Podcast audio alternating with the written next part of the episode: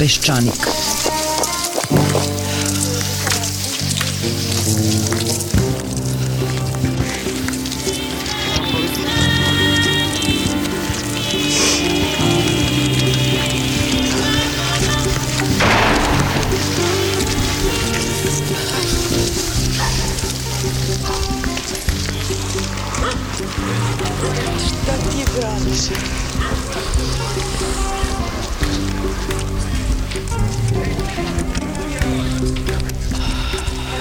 Peščanik.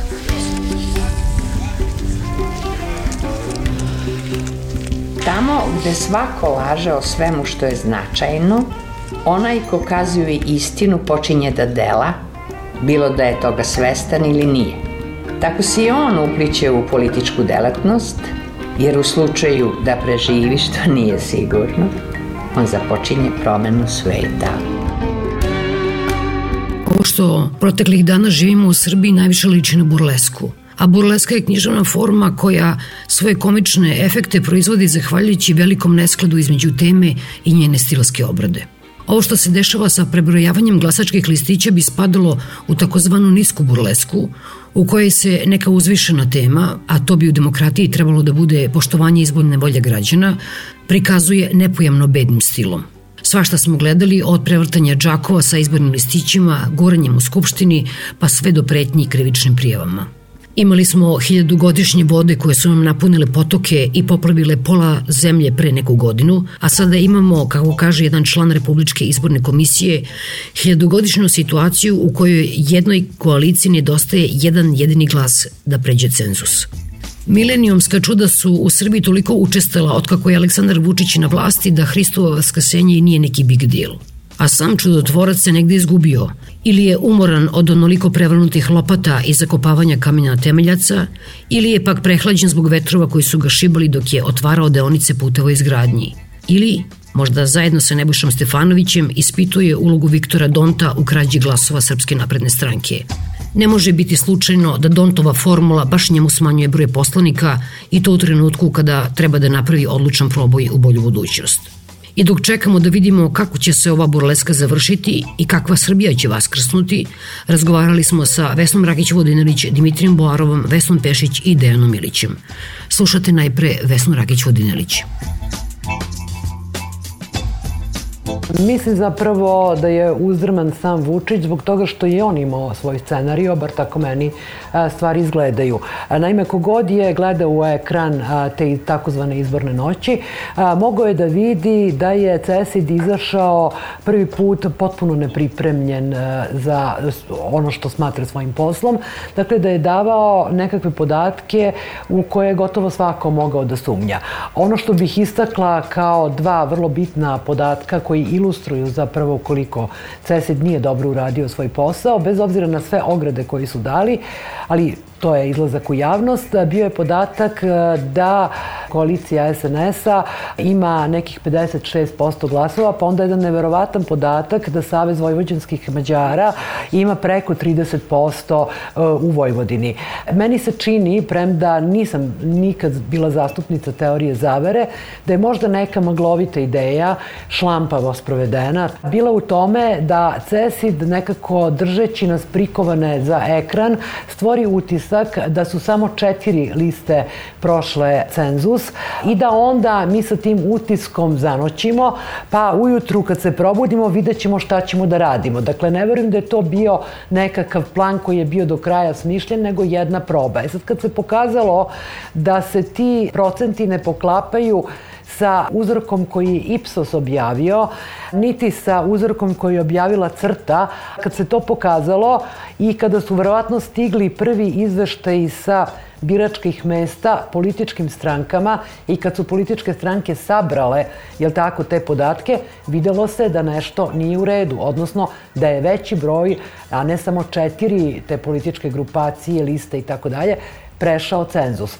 I onda su se skupili predstavnici nekih opozicijonih stranaka, ne svih. Naravno, Šešelj nije išao sa njima zato što je vrlo interesantno podatak o njegovom uspehu na izborima bio sve vreme vrlo stabilan pojavili su se u Republičkoj izbornoj komisiji. Ja mislim da reč upad uopšte ne odgovara onome što se desilo. Vi ne možete silom upasti na sednicu Republičke izborne komisije, dakle mora neko da im dozvoli. A, takvo odobrenje daje po redovnom toku stvari predsednik Republičke izborne komisije, koji je među ostalim svojim brojnim funkcijama i član glavnog odbora, možda i predsedništva glavne političke stranke, dakle Srpske napredne stranke. Tako da o nekom upadu uopšte ne možemo govoriti. A svako ima pravo da, ako mu bude dozvoljeno, prisustvuje sednici Republičke izborne komisije. Naravno, u celoj stvari ima još e, jako mnogo detalja koji moraju da izazovu pažnju i koji potvrđuju tezu da zapravo pravo na slobodne i poštene izbore za koje smo nekako bili duboko uvereni da smo ga osvojili 2000. godine se polako, kako traje ova vlast, Vučićeva vlast sve više i više kruni. Ja mislim da on nije zadovoljan tim rezultatom, zato što je on ipak dobio 27 poslanika manje nego što je imao. On će ipak morati da traži koalicijalnog partnera, zato što on je već raspodelio određeni broj glasova velikom broju stranaka koje je ostavio na listu. Recimo, ja ne znam, nisam mogla da verujem, ali pogledala sam Rasim Ljajić, na primjer, ima 10 mandata, Pups ima 6 mandata, Vuk Drašković 3, ne znam, Renat Popović 4. Tako da, on sad zavisi od njih. Tako da se onda opet unazad postavlja to pitanje zašto je on te izbore uopšte raspisivao, jer morao i on na neki način znati da će to da se, da će to da se smanji. Drugo, ovo kad kažemo zašto se on ljutio, pa zato što se on nekontrolisano ljuti. Morate uvek da uzmete, kod, kad je reč o Vučiću, taj njegov karakter i taj faktor ličnosti njegov. Recimo, on se strašno naljutio i rekao, davio je jedan veoma zanimljiv primer, da u Sjenici da žive, ne znam, 95% bošnjaka, da je tamo koalicija DSS dveri dobila neke sile glasova. I onda je on počeo da govori, pa evo ja sumnjam i u stvari niste vi pokradeni, ja sam pokraden. Sve to deluje po mišljenju ja jako mutno, ne može ni blizu da se kaže da su to fair i pošteni izbori. Znači, prvo, medijska propaganda to da čovek koristi državnu funkciju, da putuje čak i u Mostar, svi su sastavci bili zakaziveni. On je koristio državnu funkciju neprekidno što je u stvari izborni pravilima nedozvoljeno. A onda radili su i veoma pedantno. Ja sam često navodila primere, recimo kod nekih opština koje su ni simbolično po svaku celu teli ne dobiju, zato što znamo da je Vračar već 25 godina i uvek pobeđivala demokratska stranka. Oni su organizovali mesecima unapred. To je bilo i na Vračaru, a na drugi, i u drugim mestima socijalna pomoć, krećenje, farbanje, zvanje, pritisci, lekari, ne znam, šta se tu sve nije radilo, pravna šećera, pomoć. pravna pomoć. I drugo, nije bi bilo jasno ponašanje upravnog suda da ako taj RIK, kakav god da je, konstatuje da ima 5000 falsifikovanih potpisa, da odbije tu listu, da upravni sud kaže može. Znači, pre nego što su počeli izbori, je toliko bilo mnogo toga i korišćenje medija. Čak je prva televizija imala i ono, odakle on poreklom, ko su mu dede i baba. To je bilo strašno koliko je on iskakao i praktično dominirao, dok nijedan duel nije održao sa svojim protivnicima, a onda je čak kad je imao nekakve razgovore, onda je zvao neke ljude iz nevladinog sektora da s njima razgovara, pa tako sa Natašom Kadić, sa Jelenom Ilić, ne znam, sa Panovićem, nekim novinarima koji su, po mojom mišljenju, napravili grešku, zato što u izbornoj kampanji ti ne možeš da budeš deo njegove kampanje, znači šta ćeš ti tu? I ono što je moja poenta na ovim izborima, to što nije postojala ni jedna tema. Svi ti slogani koje on izgovarao, oni su potpuno prazni. Ujedinjeni možemo sve. Onda, Srbija pobeđuje. Koga to pobeđuje Srbija? Neke neprijatelje, opoziciju ili ko su ti ko pobeđuje? Sve je to isprazno, čak ni neku naznaku šta bi ta vlada radila. Znači, kuda se kreće Srbija? Jer mi smo i prošlim, na prošlim izborima videli to, da on nije rekao da će biti štednja. Drugo je sad to pitanje ko se slaže s tim, ko se ne slaže s tim. To je drugo pitanje. Ali on nije rekao da će ta vlada, tako reći, čim dođe da smanji penzije plate. Sada nije bila... Upravo suprotno. Da, rekao je upravo suprotno. Šta mi možemo da očekujemo kad tu teme nije bilo? Tako da mi kad pomislimo šta dolazi posle toga, pa ne znamo. Šta mu bude dunulo, to će da bude. Mi možemo samo da pretpostavimo da će on nastaviti sa MMF-om, ali šta će tu da bude i kuda ide Srbija, to nije ni u naznakama bilo pokazano. I konačno što bih rekla, on je napravio jednu strukturnu grešku, a to sam pronašla u tekstu sam to napisala, kod Habermasa, gde su neki izbori koji su bili u Nemačkoj, koje on kritikovao i rekao da kad imamo predstavničku demokratiju i kad se izbori za predstavnička tela, a ovo su sve bili izbori za predstavnička tela, znači od parlamenta, od pokrajine do lokalnih izbora, znači za skupštine, da je velika fopa ili kako da kažem skandal da to pretvaraš u plebiscit. Znači, ne možeš da pretvoriš predstavničku demokratiju u plebiscit, što je na kraju krajeva i sam Vučić rekao da to neki referendum oko njega. Gde se on pojavlja kao protivnik i na svim malim opštinama, velikim opštinama, svuda je on protiv svih ostalih. Tu u stvari onda kad su to parlamentarni izbori, gde moramo da dobijemo predstavljanje građana i njihovih interesa, to je praktično poništeno. Jako je zanimljivo da on sada govori kao čovjek koji ima apsolutnu kontrolu u zemlji čiji je član stranke na čelu Republičke izborne komisije, on govori da je pokraden. Čovjek koji kontroliše policiju, koji kontroliše izvršnu sad izlazi i kaže ja sam pokraden. On sad, posle izbora, nastupa kao opozicija. Mi smo u izbornoj noći shvatili da su oni dobili izbore, on sad nastupa bukvalno kao opozicija, kaže ja sam pokraden na izborima. Pokrala opozicija, dakle ljudi koji su bili nevidljivi praktično, su odjednom stekli takvu moć, ušli u Republičku izbornu komisiju, šta su oni tamo tačno uradili? Kako se kradu glasovi u Republičkoj izbornoj komisiji? Uđete tamo i šta uradite da biste ukrali glasove? I da li još neko sedi tamo da to može da gleda? Kako se to dogodi? Tamo je sedeo čovjek iz njegove stranke. Je on gledao? Je on ume da nam opiše kako su to oni? Stavili u džep, izneli? Ali on sad nama govori kao čovjek iz opozicije bez ikakve moći ja sam pokraden, tražim pravdu, ne znam nija šta. Ko si ti u stvari? Predsednik neke stranke koja, eto, nema dovoljno moći pa sad traži zaštitu javnosti, sve, ili si ti nekakav predsednik vlade koji garantuje za regularnost, koji ima nekakvu izvršnu vlast, koji može da sprovede zakon, da se ponaša u skladu. Šta se tu događa u stvari? Druga stvar koja mislim da je, da da je strašna i to jeste to potpuno uh, razbijanje ustanova, ja tu vidim isti scenario, ali potpuno identičan scenario kao scenario posle poplava, kao scenario posle, sa plagijatima i kao scenario sa padom helikoptera. Desi se jedna strašna stvar za sve nas strašno poput, ne znam, poplave ili bruka poput plagijata ili strašna katastrofa poput tog pada helikoptera ili ovaj put za njega strašno. Sad se njemu desilo nešto strašno jer on nije dobio onoliko mandata koliko je želeo da dobije i on izlazi uveče i kaže u posle 10 sati izašao i rekao ovo je moja želja. Pregledano je 77 od 100, mi imamo pe, preko 50 od 100, dve liste nisu prošle cenzus. On je izdao naredbu On je izašao uveč i rekao je, ja hoću da ovo budu rezultati. I sad muk.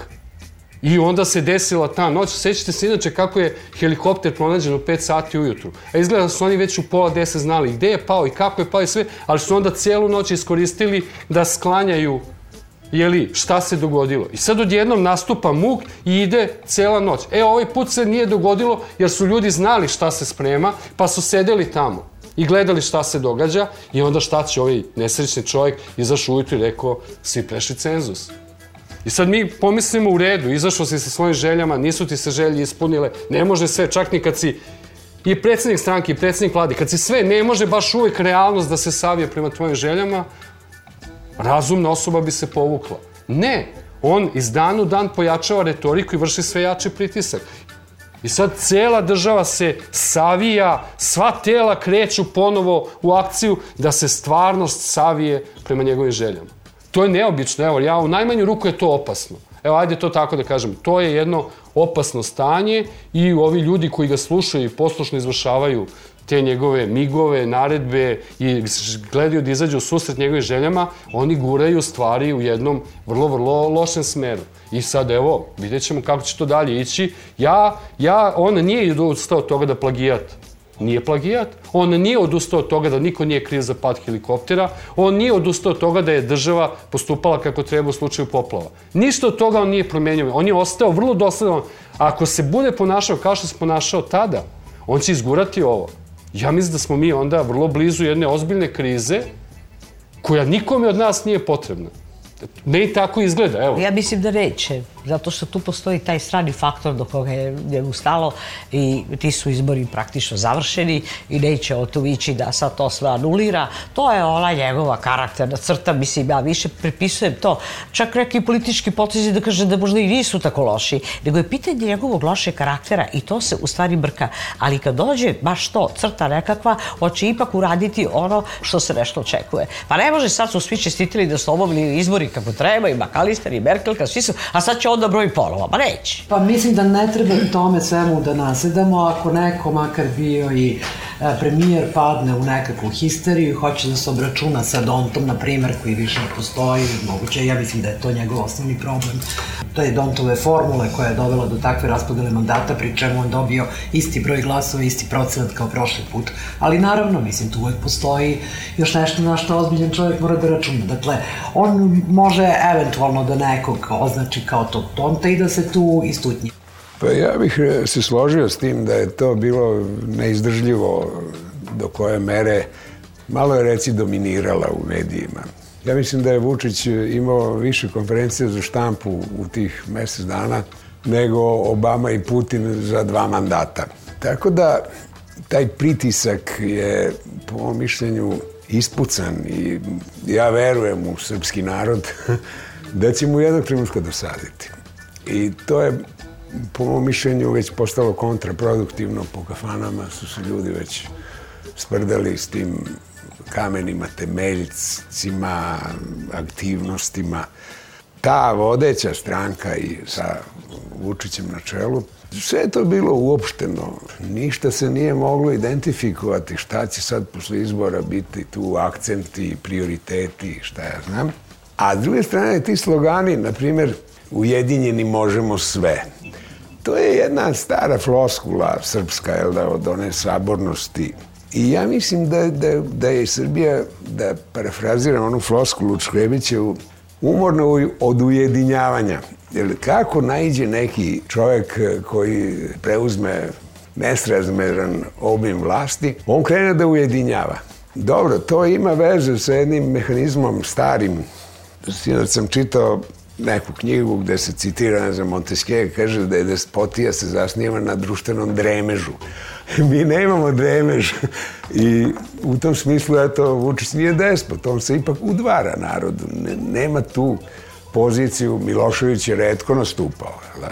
Ali, da ne dužim dalje, ja mislim da je cela ova zavrzlama oko te neregularnosti ipak prozaičnije naravi na obe strane, jer primetili ste, ne znam, Sanda Rašković je bila ogorčena, kad je čula da su ušli, onda je rekla u redu je brojanje.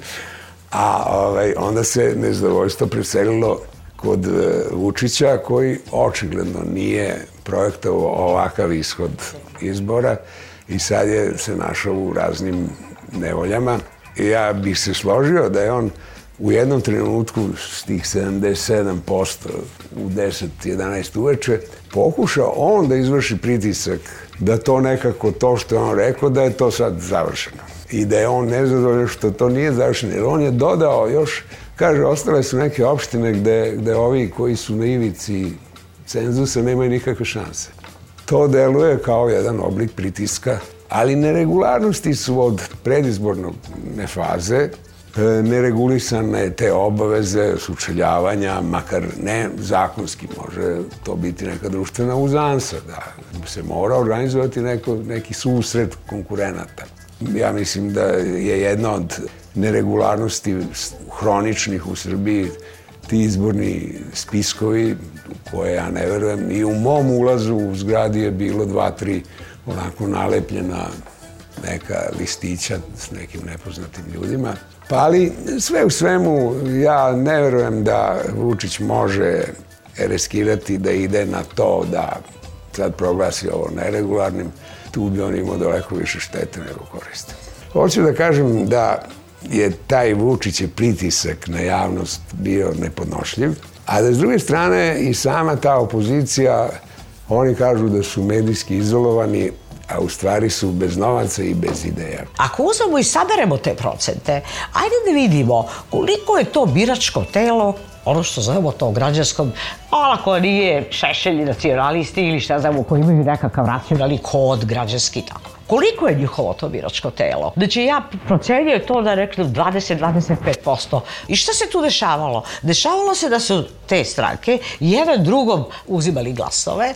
Ja znam kad smo mi prošli, kad je bilo neviđeni uki navijanje za LDP. Čak i u takvoj situaciji mi smo i onda jedva prešli cenzus, jer ti fizički u Srbiji ne možeš da nađeš više od 200.000 ljudi koji će da kaže ono što je tada LDP izgovarao. Znači, ne možeš fizički da činim, jednostavno ih nema. A kad uđete u parlament, vi uđete sa 12 poslanika, a radikalna stranka 85. Taj deo Srbije koja glasa za dveri, za Šešelja, Vučića, oni su daleko, daleko veći u Srbiji. Ovo je jedna manjina. To je ta slabost da bi se mogli i sociološki da analiziramo. Ja mislim da se to delično može tumačiti time kad postoji ta jedna veza između tih sad i tradicionalnih gubitnika, između te sirotinje, između tih, kako da kažem, ljudi koji su dezorijentisani. I oni jedva čekaju tu vođu. I kad on demonstrira tu moć, oni se vezuju za tu moć, zato što ono nema gde da očekuje bilo šta, nego da recimo na opštini kaže ajde zaposli mi sina, daj mu 100 evra, a Srbija nije uspela da napravi, da kažemo da smo mi zemlja građana. Prema tome, e, tu je jedna velika disproporcija da mi možemo da očekujemo nekakve velike rezultate. Pa čekajte, koliko smo mi re 5. oktobar pripremali. Smaknemo, pa se i tu nije na kraju jasno. Milošević dobio i u tom poslednjem momentu kad su se i Rusi i Amerikanci urotili protiv njega. I šta je bilo? Milion i 800 hiljada glasova dobio Milošević.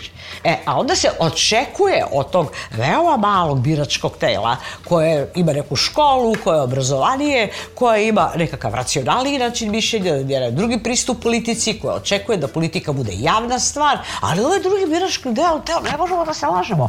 Ovo je to gazdu. Zato što misli da jedino gde može da domine to taj gazda. A ja opet to tumačim, kad se gledaju ti podsistemi, da u stvari, kada imate potpunu disfunkcionalnost u ekonomskoj sferi. Drugi podsistemi postanu, kako mi to zovemo, preopterećeni. A zašto sada i stručan i nestručan mora da traži posao preko toga? Zato što jednostavno nema posla. Znači, i onda se preko toga zatvara krug. Ti koji su na vlasti vide da kad idu time da zapošljavaju te, da onda se stvara taj klijentilistički sistem zato što ti guraš i od dole. Nisu samo oni tvorci te partokratije, nego je partokratija se stvara upravo zbog toga što nemaš gde. Isto ti čekaš da ti država nešto udeli i zbog toga mi te države, a ne možemo da se otarasimo, sociološki gledano, ja bih rekla da je problem i taj što Srbija nije uspela da stabilizuje jednu elitu Jer kad vi pogledate recimo francuske političare, nema nikoga ko nije završio ENU, ko nije onda završio visoku administrativnu školu, bilo da je od desno, da je levo, znači ti imaš jednu elitu i ne možeš svako sa ulice, znači iz elite se ti kandiduješ za te političke funkcije, a ne sad da, pa da ideš na to. Znači, to je veliki problem što mi tu elitu nismo stabilizovali. Čini mi se da ono što je Mita nekad govorio, da je u Srbiji postojala ta jedna mala elita koja je bila poštovana, e, mi smo to izgubili. Znate, sada je to potpuno nestabilno, oni odlaze u inostranstvo, Bili su se kompromitovali ovde. Jeste, jeste. Tako da, u stvari, mi tu elitu nismo mogli da održimo, niti je imamo, ona je veoma trošna i onda dolazimo u tu situaciju da dođemo da nama vladaju najgori. I onda na kraju zaista moram da se složim. Nijedan narod ne zaslužuje da vladaju najgori. A mi smo sad u toj situaciji.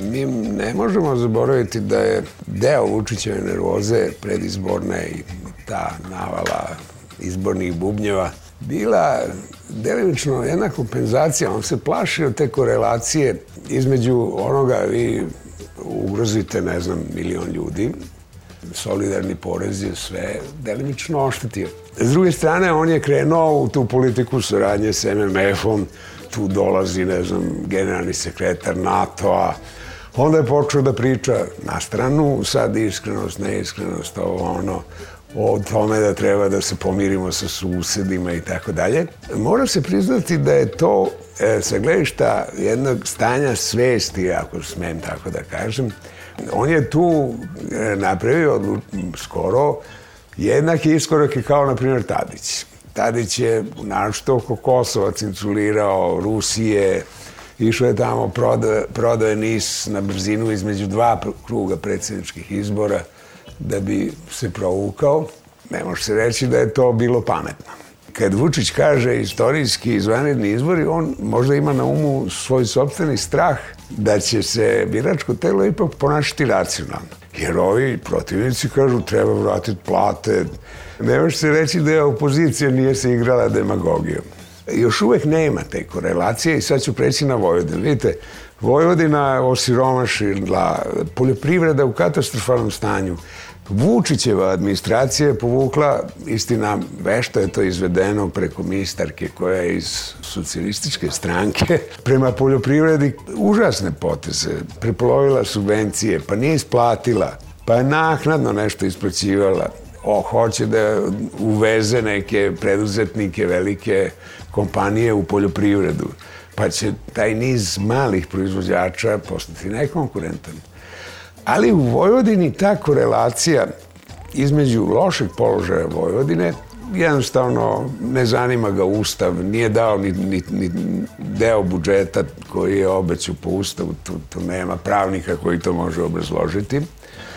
Zašto je on ipak e, napravio, dobio laovsku pobedu u Vojvodini? 2012. godine, kada je Toma Nikolić bio glavni naprednjak, Oni su dobili 22 mesta u pokrajinskom parlamentu, a sad su dobili 63. Znači, tri puta više. A umeđu vremenu je Vojvodina rapidno propadala. Ste plata u Vojvodini i u aparatu državnom niža od republičkog proseka. Pa to nikad nije bilo u istoriji Vojvodine. Ta korelacija između tih loših poteza ovoga puta apsolutno nije smetala Vučiću da tu pobedi. Zašto? Zašto stvarno? Problem je u tome što su demokrati koji su bili okosnica vlasti, oni su prikrivali od Vojvođana da, da oni nisu nikakva tu vlast. Da je autonomija prazna, da je ona fasadna, da nema nikakve ovlašćenja. Ali oni su to prikrivali od Vojvođana, oni su tvrdili da, tu, da je vraćena autonomija, a što je najgore, i ponašali su se kao vlast. Imali su velike crne automobile, dobro su živeli, nije, nije se štedelo na tim spoljnim manifestacijama. I sad, kako je Vojvodina tonula, oni su ispali krivi, jer jer oni su doživljavani su kao neka vlast. Nisu objasnili kakav je položaj stvarno Vojvodine. Oni, oni su, neću da koristim grube reči, ali oni su to prikrivali. A kampanja protiv njih je bila brutalna, da brutalnija nije mogla biti. Mislim, to je prešlo svaku granicu neukusa hapsili su tamo te funkcionere. Ispalo je da su samo političari u Novom Sadu lopovi, a u Beogradu nema lopova među političarima, već samo među tajkunima. A u Novom Sadu se nakupili političari sve lopova do lopova. Oni su bili u velikom strahu i onda se nisu usudili ni da zaigraju ni na tu vojvođansku kartu. Pa kad su videli da, da gube, onda je logična reakcija da kažeš ovi hoće da nam unište Vojvodinu i tako dalje. Zna se kako se brani ne, ne, nešto. Ne, oni i tu su na pola usta, prosto su bili lično poplašeni i preplašeni i nisu ni pokušali da naknadno potraže ne, neka uporišta u tom narodu, a verovatno ne bi ni dobili. Oni su 16 godina na vlasti. Oni su postali stranka činovnika. A bili su opasno sebični nijedno ozbiljnije mesto se nije moglo ovaj, bez njihovog aktiviste popuniti. Tako da je sve zajedno, gledajući, ta demokratska stranka nije ni mogla računati na neki, čak i da nije bilo ovog pritiska užasnog i ovih pretnji, ona bi izgubila izbore. Tim pre što se ta vladajuća koalicija brzo podelila, oni su uspeli da se odbrane da mogu ceo mandat da žive pre dve godine, tu su se složili.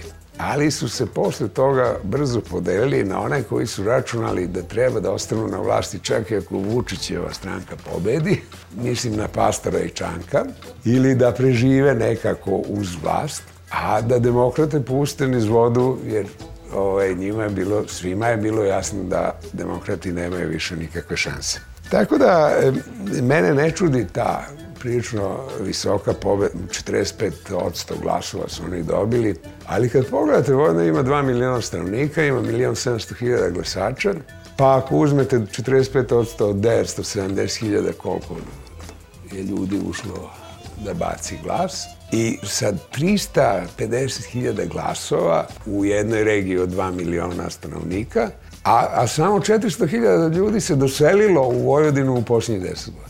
A vi s 350.000 glasova možete da ostvarite nadpolovičnu većinu u Skupštini Vojvodine.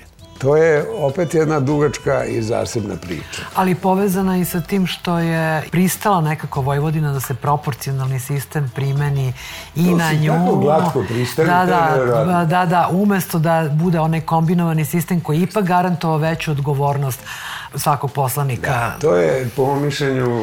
Ja to ne, moram da kažem nisam razumela kako ovaj, su, zbog čega su pa to je u okviru tog e, straha. Da.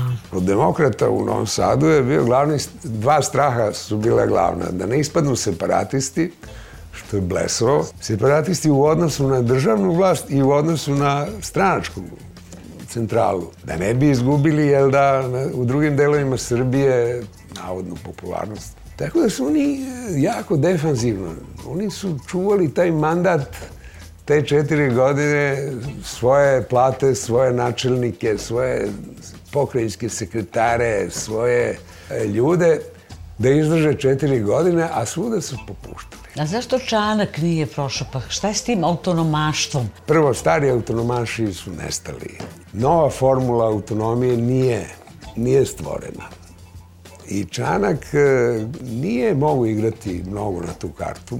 I kod tih Vojvođana mojih proširio se glas Pa ne možemo mi spajati ćemo, on smeta, inače bi Vučić dao Vojvodini i para i nego je besan na ove žute. Da, da, da. Ove, ajde mi... Dobro, ima tu zdrave logike. Pa da, ima neke Tu je istine. neki racio. Da, jel jer oni kažu kad nije ista vlast, onda si ti stradaš. Je, Mora da bude ista ista vlast. vlast, da. Ali Čanak je gubitnik ovde u ovim izborima. Ne, ne s obzirom na istoriju njegove stranke. Ona je bila tu uvek između 6 i 8 posto. Nego je puštana prognoza da je on sad 12%, da je veći od demokratske stranke, da. Tome je doprino i pastor koji opet je uklješten, sad da ne pričamo o pastorovoj poziciji između Pešte i Beograda, interese Beograda da, da taj Orban kakav je, takav je, bude advokat Srbije. Ja mislim da bolje da ne bude Orban advokat Srbije u procesu približavanja Europskoj uniji. Ali činjenica da je Orban onako gospodski častio 180 miliona evra je dao da se deli po Vojvodini. 180 miliona evra. Pazite, to je skoro ovo što uštedimo na penzijama i platama. Če, pre, preko koga? Preko Savjeza Vojvođanskih Pa Mađara? zašto da opozicija greši kad to kaže oj kako se pare Čekajte, bacaju? kako kažete Pa da. 180 miliona evra? Preko koga? Preko Savjeza Vojvođanskih Mađara? Pre svega njima? Pa to se sad pokušava da se stvori jedan privid da to institucije rade. A u stvari je direktno stranci dao 180 miliona evra da, da deli.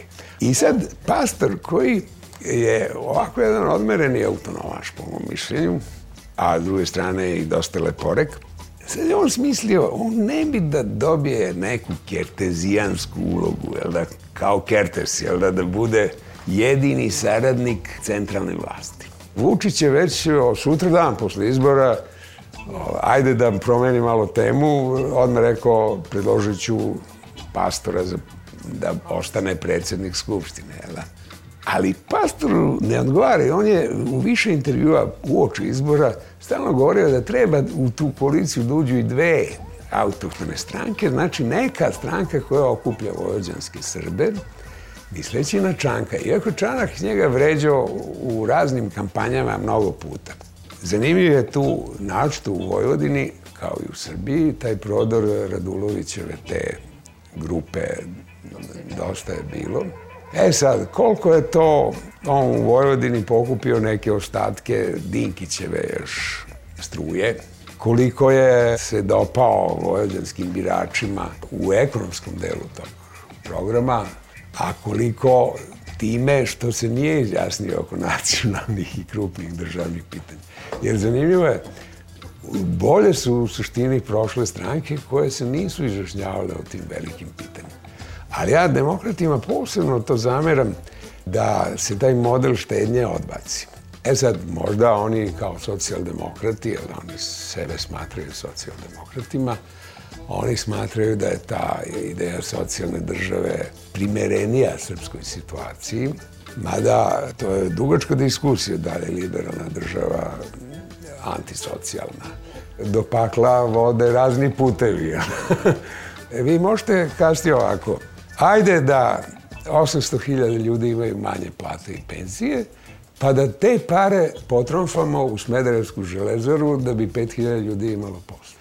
Ili da kažete, ajde svi da se stisnemo još 20% da skinemo plate, pa da sačuvamo i bor, možda će nam trebati kroz 60 godina, možda bakar se ponovo pojavi kao neka važna strateška sirovina i ode cena uvis. Ajde da se stisnemo još 10% pa da imamo, da Beograd bude zračna luka, što bi rekli Hrvati, regionalnog značaja, a neće biti, Erdogan je smislio treći aerodrom u Istanbulu sa 130 miliona putnika, a Atlanta, koja je najveća u Americi, ima 110 miliona putnika. Tako da, e, socijalna država se zasniva na tome. Ajde da se stisnemo, pomognemo sirotinjom. A na kraju sirotinja ostane sirotinja, a u propasti se srednja klasa. Ja sam pažljivo slušao i naravno priča je predivna i deluje potpuno logično, ali mi fali jedan element.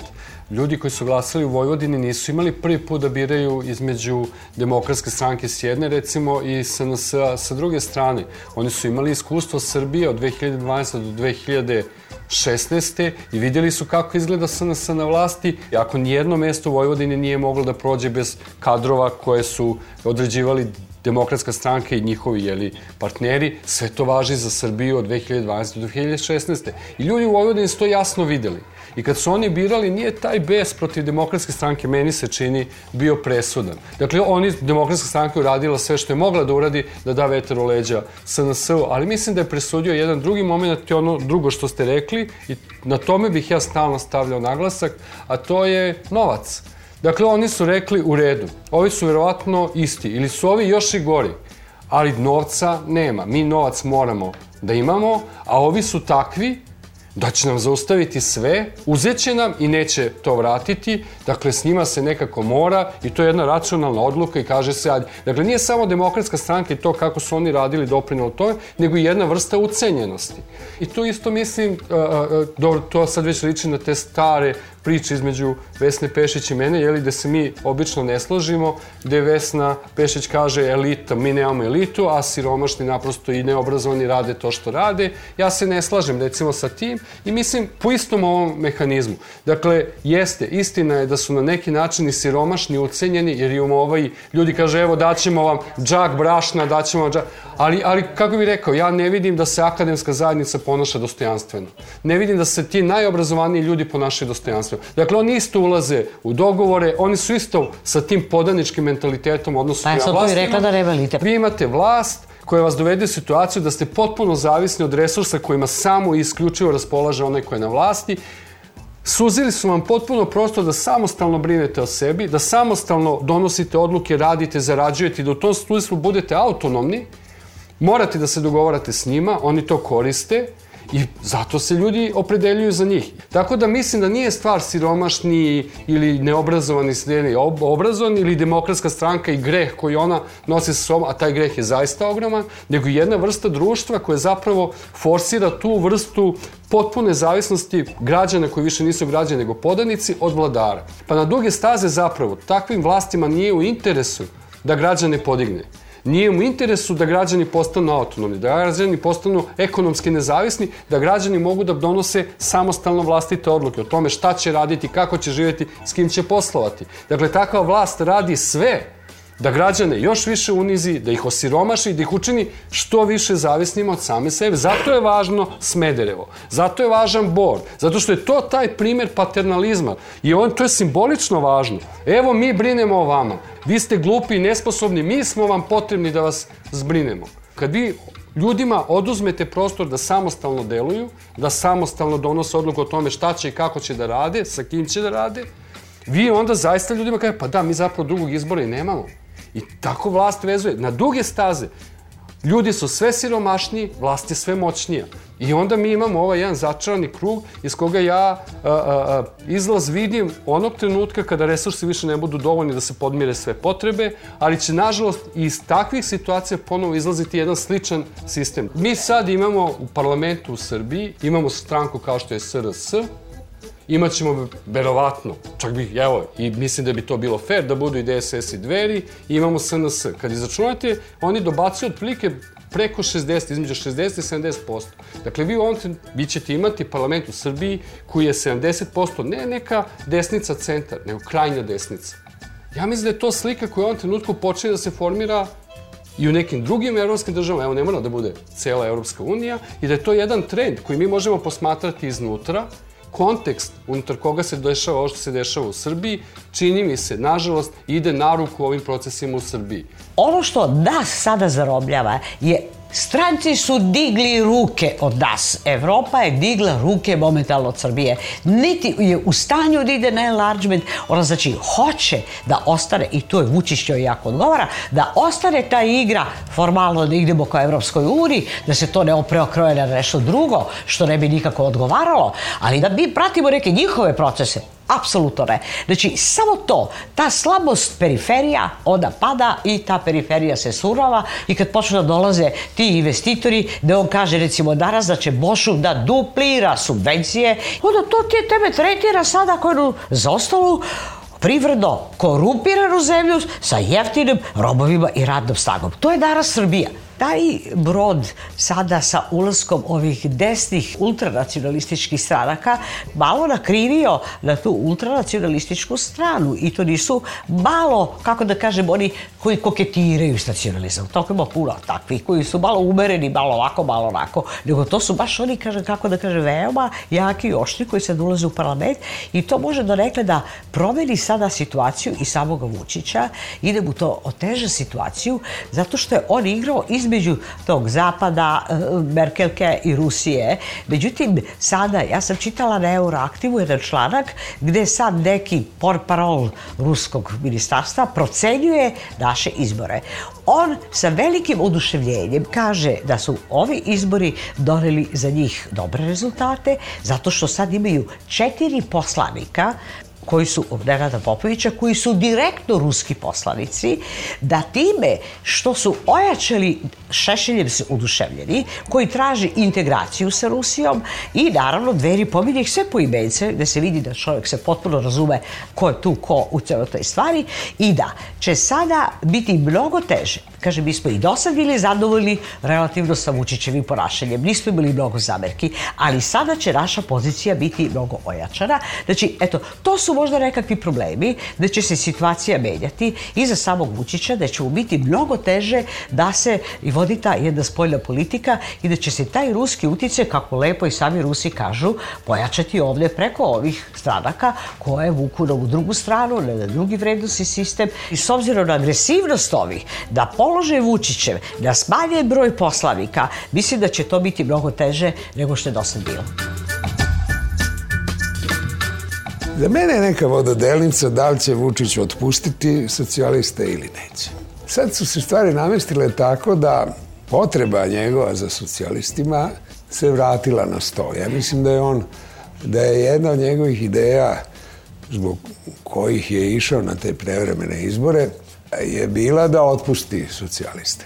Sad su se stvari tako namestile da sad socijalisti izgledaju bolji partneri od a s druge strane njihov korpus je, bez obzira što je i njihov korpus smanjen nešto, Pa dosta je smanjen. Mislim, 14-15 poslanika su oni dobili. Oni su se tu kvalifikovali jer očigledno u Kremlju nisu procenjivani kao dovoljno odani. Nisu, tačno. Pogotovo sam vrh te stranke. Meni je čisto zabave radi bila smešna ona izjava Vučićeva kako se on branio u Moskvi. Išao je u Moskvu da ne bi izgubio svoj deo biračkog tela ovde pred izbore. Išao je u Moskvu. Ali kako se branio od one evroazijske ekonomske... Kaže, geografija je tu, kaže, nismo, nismo na njihovoj teritoriji. Nije verovatno znao šta da kaže, jer se boji i ovde reakcije i tamo. S druge strane, dogod svaka vlast u Srbiji, po mom mišljenju, koja vuče te socijaliste na vratu, ona ne može reformisati Srbiju i ne može uvesti u Evropsku uniju, jer oni su zapravo jedna neobična stranka, oni imaju relativno čvrsto biračko telo, oni nisu po pravilu neškolovani, istina malo su stariji, ali oni su dobri, jako dobri saboteri svakog napretka u Srbiji. Tako da tu je Vučićev problem broj jedan, po mom mišljenju. E sad, kad gledam i SNS i SPS i to malo ljudi van stranačkih, ja ne vidim tu neku bolju vladu koju bi Vučić mogao da, da sastavi. Prvi problem je što ozbiljan čovjek verovatno neće s njim da radi. Taj njegov, kako da kažem, način vladanja jednostavno eliminiše svakog ozbiljnog čovjeka. Jer nema, nijedan ministar nema nikakvu autonomiju. Svaki treba da aplaudira i ustaje kad Vučić ulazi u salu ili ne znam. To su opasne stvari, jer to odbija ozbiljne ljude od mislim, ako hoće ozbiljan čovjek u vladu, on neće da se viče na njega ili neće da bude, hoće da ima neku Najmanje autonomiju. da provede neki deo da svojih nešto ideja. sprovede. Sama SNS stranka sa tim vrhom, to je tanko jako i upadljivo je da je on bio zakazao u februaru taj unutrašnji obračun. Pa je prebacio na maj, pa je sad ispalo krajem maja, 28. maja ta skupština, A to sve zajedno govori da on, da nije, kako da kažem, da nije u lagodnoj poziciji ni sa gledišta svojih e, planova. Razumem što je skrajnuo Tomu Nikolića, ta osovina izgleda fatalno pukla, tako da on nema ni kandidata iduće godine za predsjedničke izbore. I osnovni problem što zapravo on ima sad, što se ekonomije tiče, još dve godine On je to prva stvar koju je rekao u tom ponoćnom govoru, kaže četvrta i peta revizija sa MMF-om. Možemo diskutovati da li je taj model ekonomske politike dobar ili loš, ali je model. Ali mi ne vidimo koji bi on model da recimo nije prinuđen sa MMF-om da radi. Jer ne može se proglasiti ekonomskim modelom nešto što ja ću rešiti ovo, ja ću rešiti ono, ja ću naći ovo. I svaka ekonomska politika ne zavisi samo od modela, nego i od inovativnosti, od preduzetništva samog premijera. I to je najkomplikovanije. A valjda i od toga koliko je drugima omogućio slobodu za preduzetništvo. To je sad Ali to nije B. moguće. Ali ja pitam Ne. za A. Ne, ja se slažem potpuno sa mm, mitom da će verovatno morati da pravi koaliciju sa socijalistima. Tako da on će možda imati tu težinu iznutra da sastavi vladu a, i da socijalista neće moći da izbegne i da možda sad lavira pod pritiskom ovih agresivnih kao što je Šešelj, Vjerica Radeta i tako dalje. To će biti malo teže, ali opet s druge strane to njemu pruža ono što su mnogi već rekli, da šansu prema inostranstvu da kažu pa evo, ja sam taj centar, ja sam taj koji držim tu proevropsku poziciju, a ovi, evo, da li hoćete ove. Tako da će to možda s da izgleda bolje, ali iznutra mislim da će biti teže. A slažem se sa ovim poslednjim što si rekla. Ja mislim da on uopšte zapravo i nije toliko strahovao od Šešeljevog povratka, niti od te presude. Ja mislim da je on projektovao Šešelja na onoliko koliko je on dobio, da je to moglo lako da se predvidi. I to je, ponavljam, jedina stabilna pozicija u ovim izborima koju niko nije dovodio u pitanje. To je jednostavno nešto što su svi prihvatili i njegov motiv jeste da se pokaže pre svega prema zapadnom svetu kao dobar momak s kojim se može računati, jer alternativa je za Boga drugačija. Ali ja sam uvek imala problem, moram da kažem, sa pozicioniranjem Vučića, takođe i njegove stranke. Ja još uvek nisam uverena i ne mogu da tvrdim da njegova stranka u celosti pripada u krug proevropskih stranaka. Njegove izjave, sve ono što on čini, njegova saradnja sa MMF-om, to jeste, izgleda, ostavlja jedan utisak da je to nekakav proevropski put. Ali nikad ne znam šta treba da se desi da se taj proevropski put zameni nekim drugim putem, euroazijskim, putinskim ili tako. Ja jednostavno nisam uspela da se oslobodim te skobe svoje. Da li je on zapravo jedan odani proevropljanin ili je to više priča, a manje e, činjenica. I u tom slučaju, znate, tu onda ja ne vidim koji bi on problem imao u nekoj perspektivi. Mislim da zapravo Šešeljeva stranka koja je vezana za njegovu ličnost će biti jaka dok god postoji ta ličnost. Nas mnogo više treba da interesuje ova desnica i to ne toliko DSS koliko dveri koji se generišu iz jednog mnogo više profašističkog sloja nego, nego što možda i možemo da zamislimo. Meni se čini da s obzirom na to ako ostanu ovi izborni rezultati da on odista neće imati mnogo prostora, da će morati da računa pre svega na socijaliste, ali ne bih isključila i to da računa i na neke delove takozvane proevropske koalicije. Ne treba zaboraviti da se u svim tim svađama oko izbornog rezultata mnogo manje pominje koalicija SDS, LDP, iako su oni tu približno kao ova desna koalicija. Dakle, to je nešto što ja ne bih isključila. Ja ne očekujem da će se bilo šta bitno promeniti ni u sastavu vlade, a mislim da će se rastaviti ovi procesi koje smo već večeras kritikovali, kritikovali i ranije, da će i dalje dolaziti do rasturanja institucija, da će i dalje rasti klientelizam i partijska država, partokratija i da će i dalje biti taj, kako da kažem, antiradnički, decivilizacijski, pa je moram da kažem i neliberalni odnos prema ljudima, zato što se građani svaki, svaki mora ispoštovati i neka njegova prava i ta prava takođe spadaju u neku liberalnu tradiciju, iako bi neko možda mislio da su ta radnička prava potekla iz Marksovog kapitala, ali nisu. Prema tome, očekujem da će taj antiradnički stav, dalja destrukcija institucija, pojačani taj autoritarni model, kontrola medija, sve ovo što smo pričali do sada, da se to ništa neće biti je promeniti, da će to da ostane. A što se tiče ekonomije, ja tu ne očekujem ništa, zato što ni od jednog ekonomiste nisam nikad čula koji je plan od čega Srbija može da živi. Srbija u velikoj meri zavisi od evropskih ekonomskih trendova i svetskih. A tu stvari ne stoje dobro. Kako kaže jedna ekonomiskinja, problem je što je puko sejao u zakon da svaka ponuda stvori tražnju. I sad se ispostavilo da ne može svaka ponuda da stvori tražnju. Tako da u međunarodnom okruženju ne može se očekivati da se Srbija povuče ozbiljnije u neki brži razvoj. Tako da je zadatak unutrašnji teži i komplikovaniji. Prvi je problem da se identifikuje problem na jedan ozbiljniji način. Meni se, ja se bojim da, da su i ekonomisti gotovo listom se prestrojali uvek uz vlast. Oni su prvi od tih elitnih eh, profesija koja ovaj, se prilagodi vlasti i oni najviše znaju da cene vrednost novca.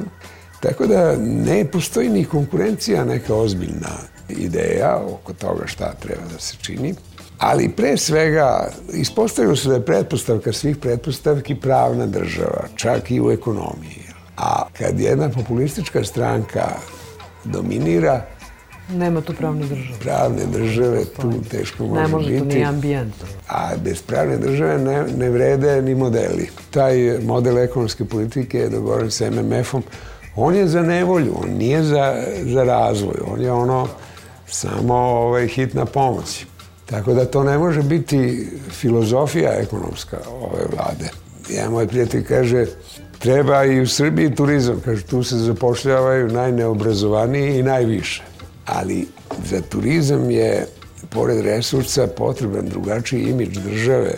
Evo vidite izjave ova britanske ministarke unutrašnjih poslova, ona nas doživljava kao divlji zapad, gde je smešno očekivati neku stabilnost i mir. Tako da geostrateški Srbija više nebitna, ta Moravska dolina famozna, sad dva meseca neće biti otvorena pruga London, Istanbul. To je nekad bila ozbiljna pruga. Orient Express. Sad dva meseca će se opravljati. Pa kakva je to pruga ako može dva meseca da ne radi? Ja ću se vratiti na, na, na ono što mene, ajde to tako da kažemo, tišti.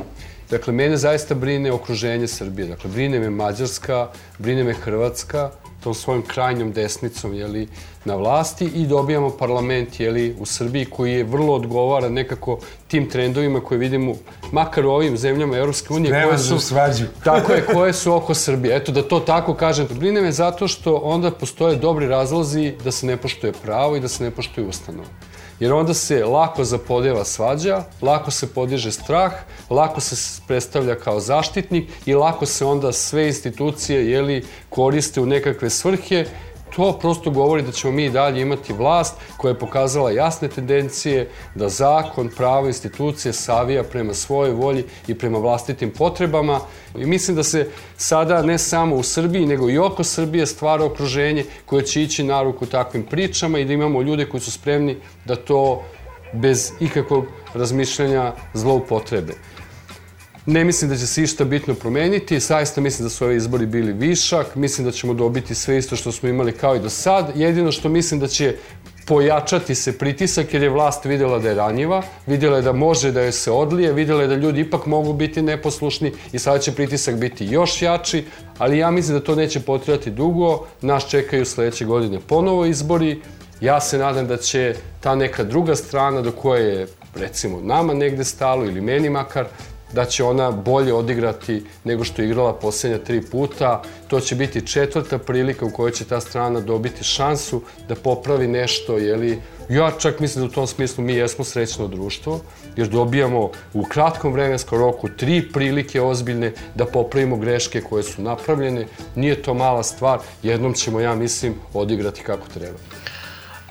Ja ne mogu da kažem da ovi izbori nemaju baš nikakav značaj. Pitala sam se pre njih da li će se autoritarna vlast, lična vlast Vučića povećati ako jako mnogo uspe na ovim izborima ili ako mu taj uspeh bio, bude bio uzdrman. I meni se čini po njegovoj reakciji na to uzdrmavanje, neispunjena njegova očekivanja, da će on malo taj svoj autoritarizam prikočiti i malo možda tu svoju nasrtljivost e, medijsku obuzdati, zato što verujem da je njemu potpuno jasno da ta nasrtljivost medijska ima svoje granice i posle toga prelazi u ozbiljno smetanje. Tako da mi se čini da je bolje, ako naravno ovi rezultati o kojima danas govorimo ostanu, je tako, ako ne budu preinačeni, a onda znači da je spreman na sve. Dakle, ako ti rezultati ostanu, da će to ipak, e, čini mi se njega, e, malo zauzdati. Naravno, to zauzdavanje neće neće ići dovoljno daleko da možemo uopšte govoriti o pravnoj državi, o stvarnom uživanju i poštovanju ljudskih prava.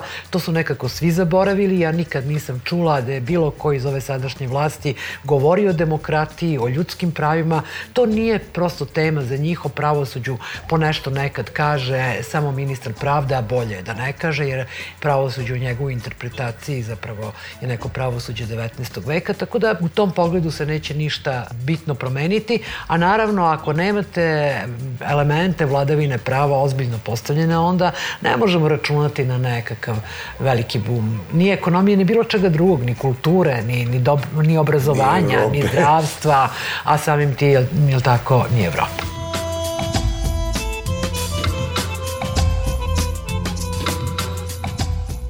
Peščanik, govorili su Vesna Rakić-Vodinarić, Dimitrije Baro, Vesna Pešić i Dejan Ilić. Pozdravljaju vas Svetlana Vuković i Svetlana Lukić.